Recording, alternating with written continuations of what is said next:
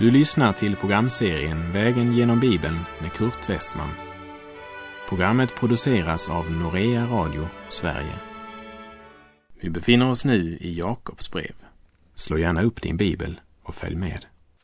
Vi har kommit till det andra kapitlet i Jakobs brev. Här talas om vårt sociala ansvar och om fattigdomens förbannelse och om rikedomens förbannelse. Ekonomisk obalans är en av syndens frukter. Hur värderar du din medmänniska? frågar Jakob. Och det är inte några svävande teorier, utan han talar om förhållanden som han känner till i den kristna församlingens verklighet och vardag. Ordspråksbokens författare säger i Ordspråksboken 30, vers 8. Ge mig inte fattigdom, ej heller rikedom. Det är en underlig bön, eller hur? Att han ber att slippa fattigdom, det kan vi förstå. Men att han även ber om att få slippa rikedom, ja, det är väl i alla fall knappast den vanligaste bönen i vår tid. Och när jag ser mig runt så verkar det som de flesta närmast har samma trosbekännelse som spelman på taket. Om rikedom är en förbannelse, då må Herren förbanna mig med det. Det verkar som om inget är så naturligt för människan efter syndafallet som drömmen om att bli rik och lusten att äga. Men låt oss inte glömma att det som verkar så naturligt i citationstecken för oss, det är något som Bibeln starkt varnar oss för. Gud har aldrig uppmanat oss att söka fattigdom och Bibeln glorifierar aldrig fattigdom och nöd. Och det är ingen lycka i själva fattigdomen. En annan sak är att det går an att vara fattig och lycklig. Men problemet ligger i den obalans som råder när det gäller världens resurser. Och det är synden som skapat obalansen. Och jag har väl aldrig sett den obalansen så tydligt som när jag reste genom de olika delstaterna i Indien. Men vi möter det egentligen överallt eftersom syndafallets frukter är ganska jämnt fördelade i vår värld. Och även vi som bekänner oss vara Jesu efterföljare har lätt för att glömma att han inte kom till världen som en rik man, utan att han föddes i ett stall. Och hans första bädd var en krubba som hans jordiska föräldrar bara hade lånat. Och när han senare talade till massorna så skedde det inte från hans privata båt. Också båten var lånad. Han lånade lite bröd och fisk från en liten pojke när han skulle mätta en hungrande människomassa. Han lånade en åsna när han skulle rida in i Jerusalem. Han lånade ett rum när han skulle fira påskmåltiden med sina lärjungar. Och han led döden på ett lånat kors som egentligen tillhörde Barabbas och inte Jesus. Och de la honom i en lånad grav. Jesus själv uttryckte det så här i Matteus 8, vers 20. Rävarna har lyor och himlens fåglar har bon, men Människosonen har inget att vila huvudet mot. Visst är jag ett kungabarn, men det är viktigt att komma ihåg att min kung bar inte en krona av guld, men en törnekrona. Låt oss ha med den dimensionen när vi nu vandrar genom kapitel 2 i Jakobs brev, där vi såklart varnas för att göra skillnad på folk. Vi ska istället komma ihåg att alla människor är skapade till Guds avbild och att Jesu frälsningsverk gäller alla människor. Just det, alla människor. Det är inte alla som vill ta emot frälsningens rika gåva, men den är avsedd för alla. Därför uppmanar Guds ord oss till förbön och tacksägelse för alla människor. För Gud vill att alla människor ska bli frälsta och komma till insikt om sanningen. Paulus skriver till sin medarbetare Timoteus i Första Timoteusbrevet 6, vers 17 till och med 19. Uppmana de som är rika i den här världen att inte vara högmodiga eller sätta sitt hopp till något så osäkert som rikedom, utan till Gud som rikligt ger oss allt att njuta av. Uppmana dem att göra gott, att vara rika på goda gärningar, att vara generösa och dela med sig och samla åt sig en skatt som är en god grund för den kommande tidsåldern så att de vinner det verkliga livet. Ty kärlek till pengar är en rot till allt ont. I sitt begär efter pengar har somliga kommit bort från tron och vållat sig själva mycket lidande. Paulus och Jakob är eniga. Det gäller att ha sina rikedomar placerade i rätt bank. Det har de lärt av Jesus som säger Samla inte skatter på jorden där rost och mal förstör och där tjuvar bryter sig in och stjäl. Samla er skatter i himlen, där varken rost eller mal förstör och där inga tjuvar bryter sig in och stjäl. Ty där din skatt är, där kommer också ditt hjärta att vara. Låt din kärlek tända kärlek och sen vidmakthålla den. Lär mig älska som du älskar, där jag intet får igen. Lär mig tjäna glatt min nästa på det sätt din ande lär och besinna att din kärlek grunden för min frälsning är.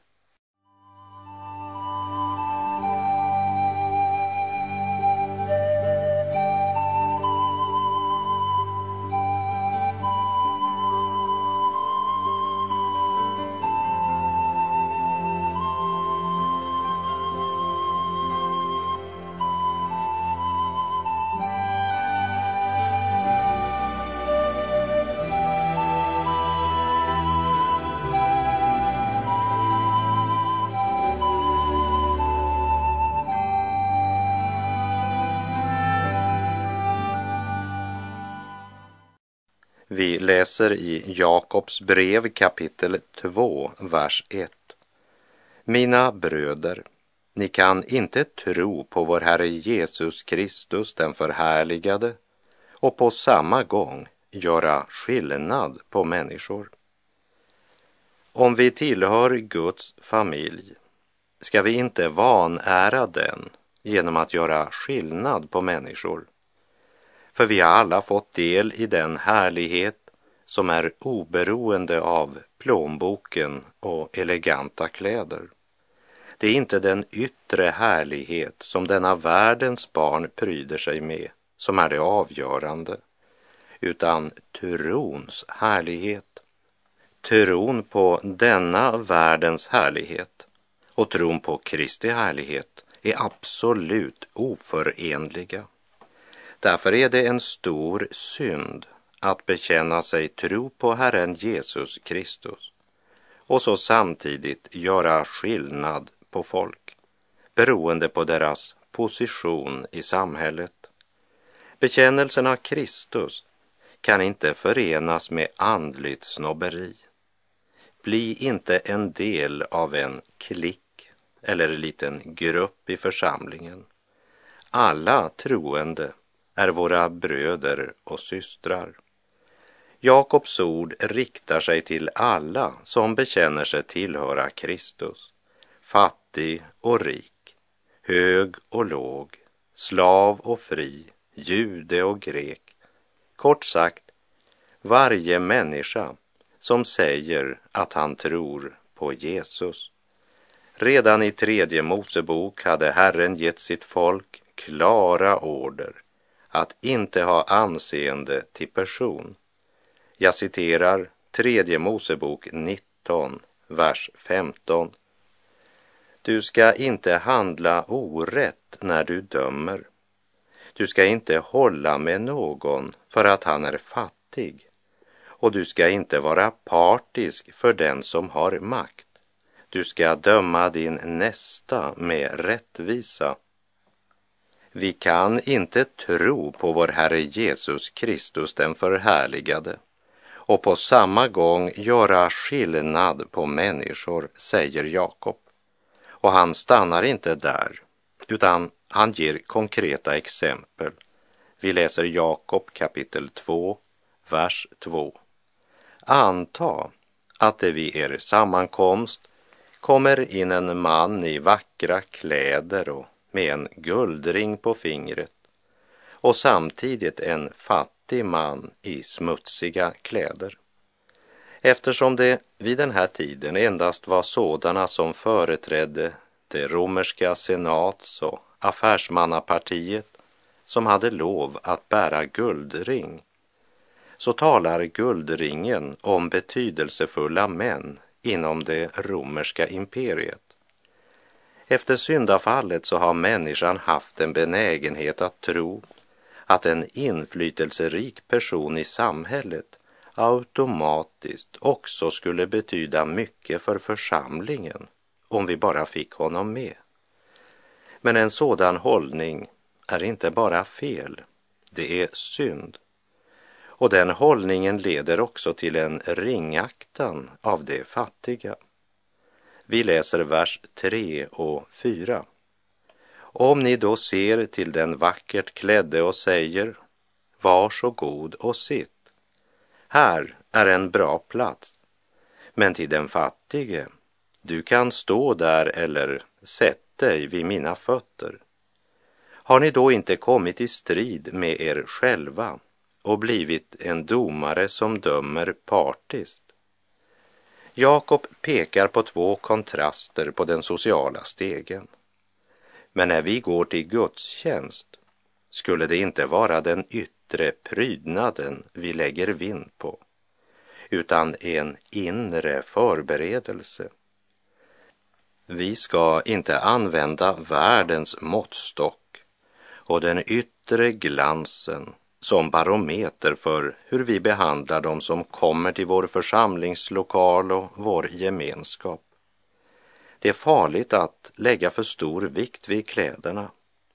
Bara se på katolska kyrkan, som tyvärr också smittat av sig på Svenska kyrkan, där den som predikar klär sig i en egen dräkt istället för att gå klädda som vanligt folk efter att ha tagit två sociala kontraster som exempel, som de tydligen behandlade ganska olika, så säger han, har ni då inte kommit i strid med er själva och blivit domare som dömer partiskt? Vi läser Jakob 2, vers 5. Lyssna, mina älskade bröder. Har inte Gud utvalt det fattiga fattiga i den här världen till att bli rika i tron och till att ärva det rike som han har lovat dem som älskar honom. Det är till det troende denna förmaning riktas.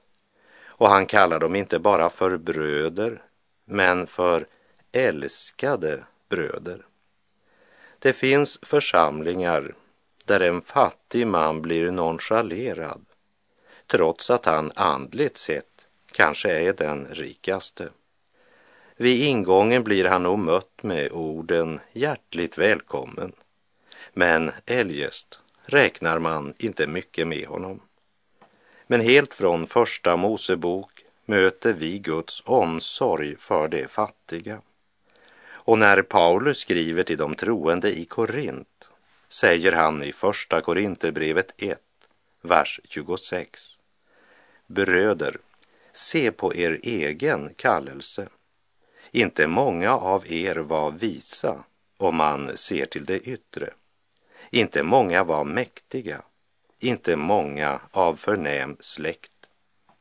Även Paulus pekade alltså på ett konkret förhållande som alla i församlingen kunde känna igen. Han bara konstaterar fakta som de kände till. På samma sätt hänvisar Jakob till förhållanden som är välbekanta för brevets läsare. Han vill påminna om att Guds rike bygger inte på någon människas styrka eller kraft, utan på Guds andes gärning. Gud har en del att säga om rika och makthavare som behandlar de fattiga dåligt. Och man behöver inte vara speciellt rik för att vara präglad av en felaktig hållning. Och det är inte alla fattiga som är andligt rika. För det är även många bland de fattiga som är mera upptagna av hur de ska vinna jordisk rikedom än av hur de ska leva ett rikt, andligt, överflödande liv.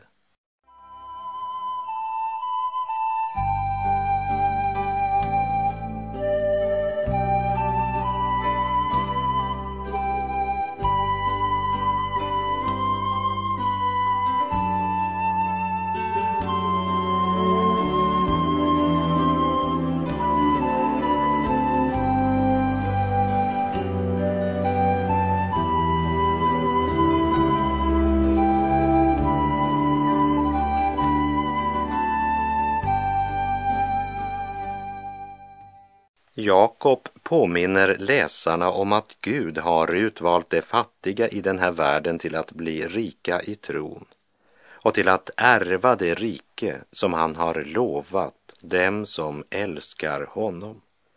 Och så säger han vidare i Jakob 2, vers 6. Men ni föraktar den fattige.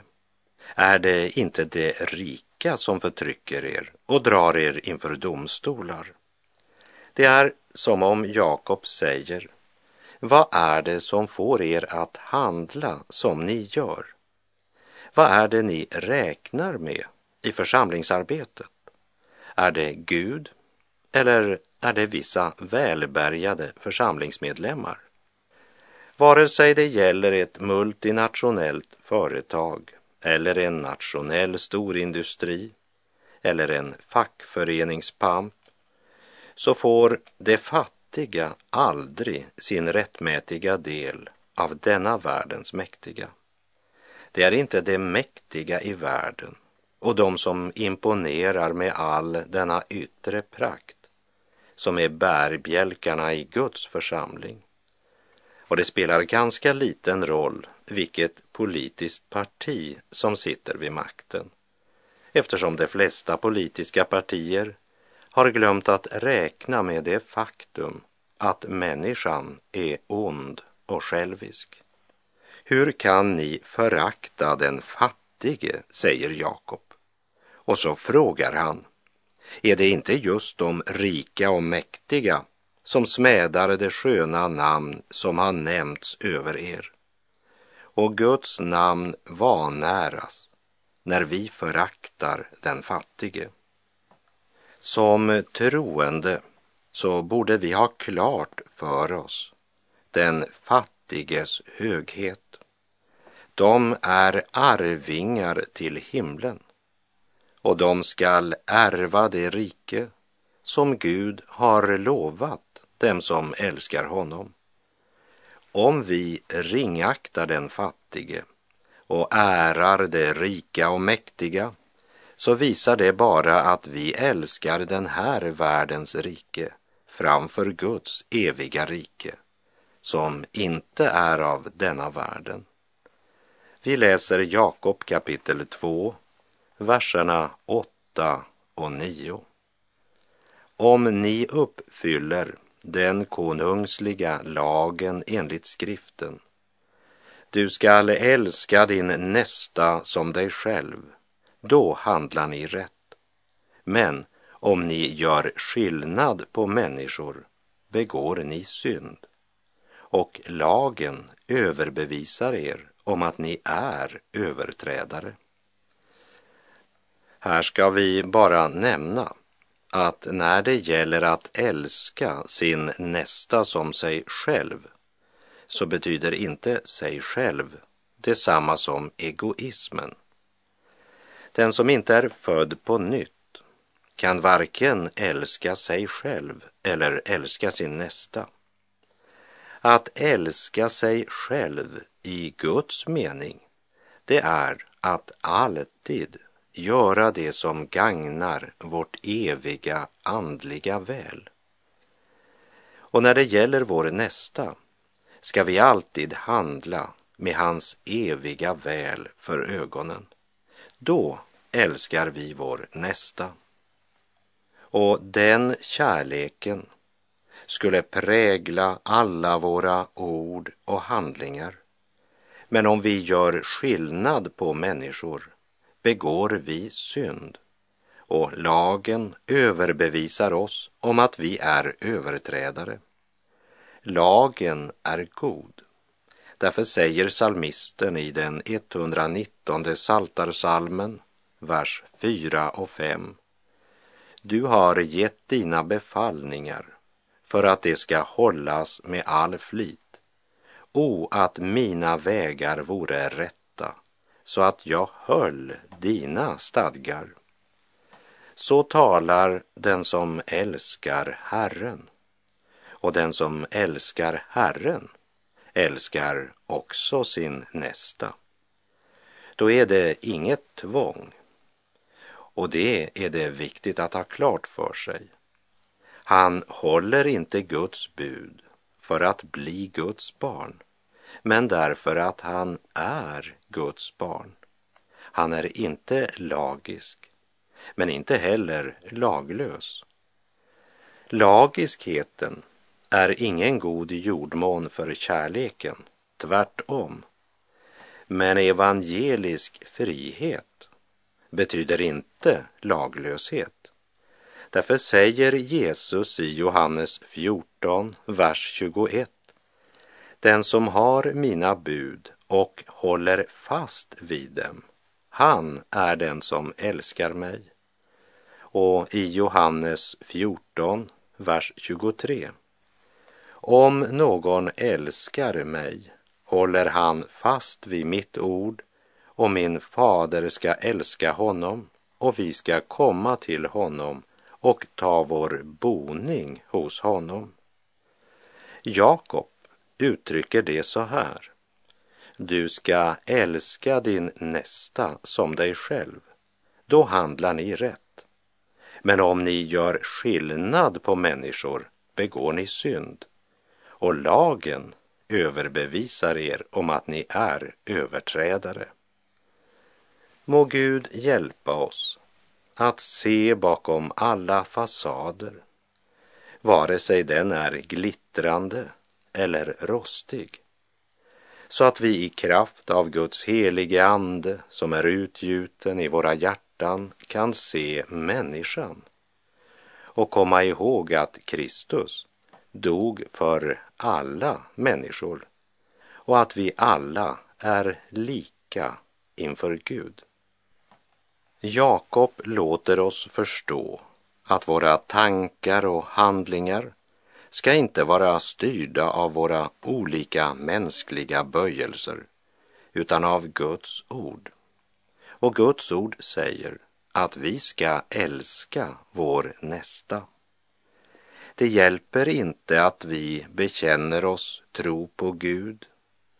Det hjälper inte att göra en stor insats i församlingen och ha en renlärig tro om vi inte älskar vår nästa och om vi behandlar folk olika beroende på vilken position de har fått här i världen. För Guds rike är inte av denna världen. Sjung om Guds rika kärlek, famnande världen vid. Sjung om det blod som skänker sargade hjärtan frid. Sjung om den stora gåvan Fadern i Sonen gav. Sprid detta glada budskap till varje syndens slav. Sjung om hur Jesus älskar varje förlorad själ, söker de vilsna fåren, löser var syndens träl. Sjung om den nya vägen, levande, fri och ljus, som ifrån jorden leder till Faderns hus. Sjung om Guds andes fullhet, segrande liv och frid, hopp mitt i sorgens mörker, kraft i all livets strid. Och med det så är vår tid ute för den här gången. Du skall älska din nästa som dig själv. Då handlar du rätt. Men om du gör skillnad på människor begår du synd. Och lagen överbevisar dig om att du är överträdare. Herren vare med dig. Må hans välsignelse vila över dig. Gud är god. Du kan aldrig segra så länge du hatar. Du kan aldrig vinna över ondska med hat. Endast kärlek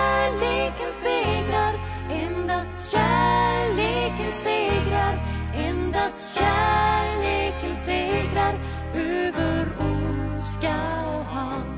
Endast kärleken segrar, endast kärleken segrar, endast kärleken segrar över ondska och hat.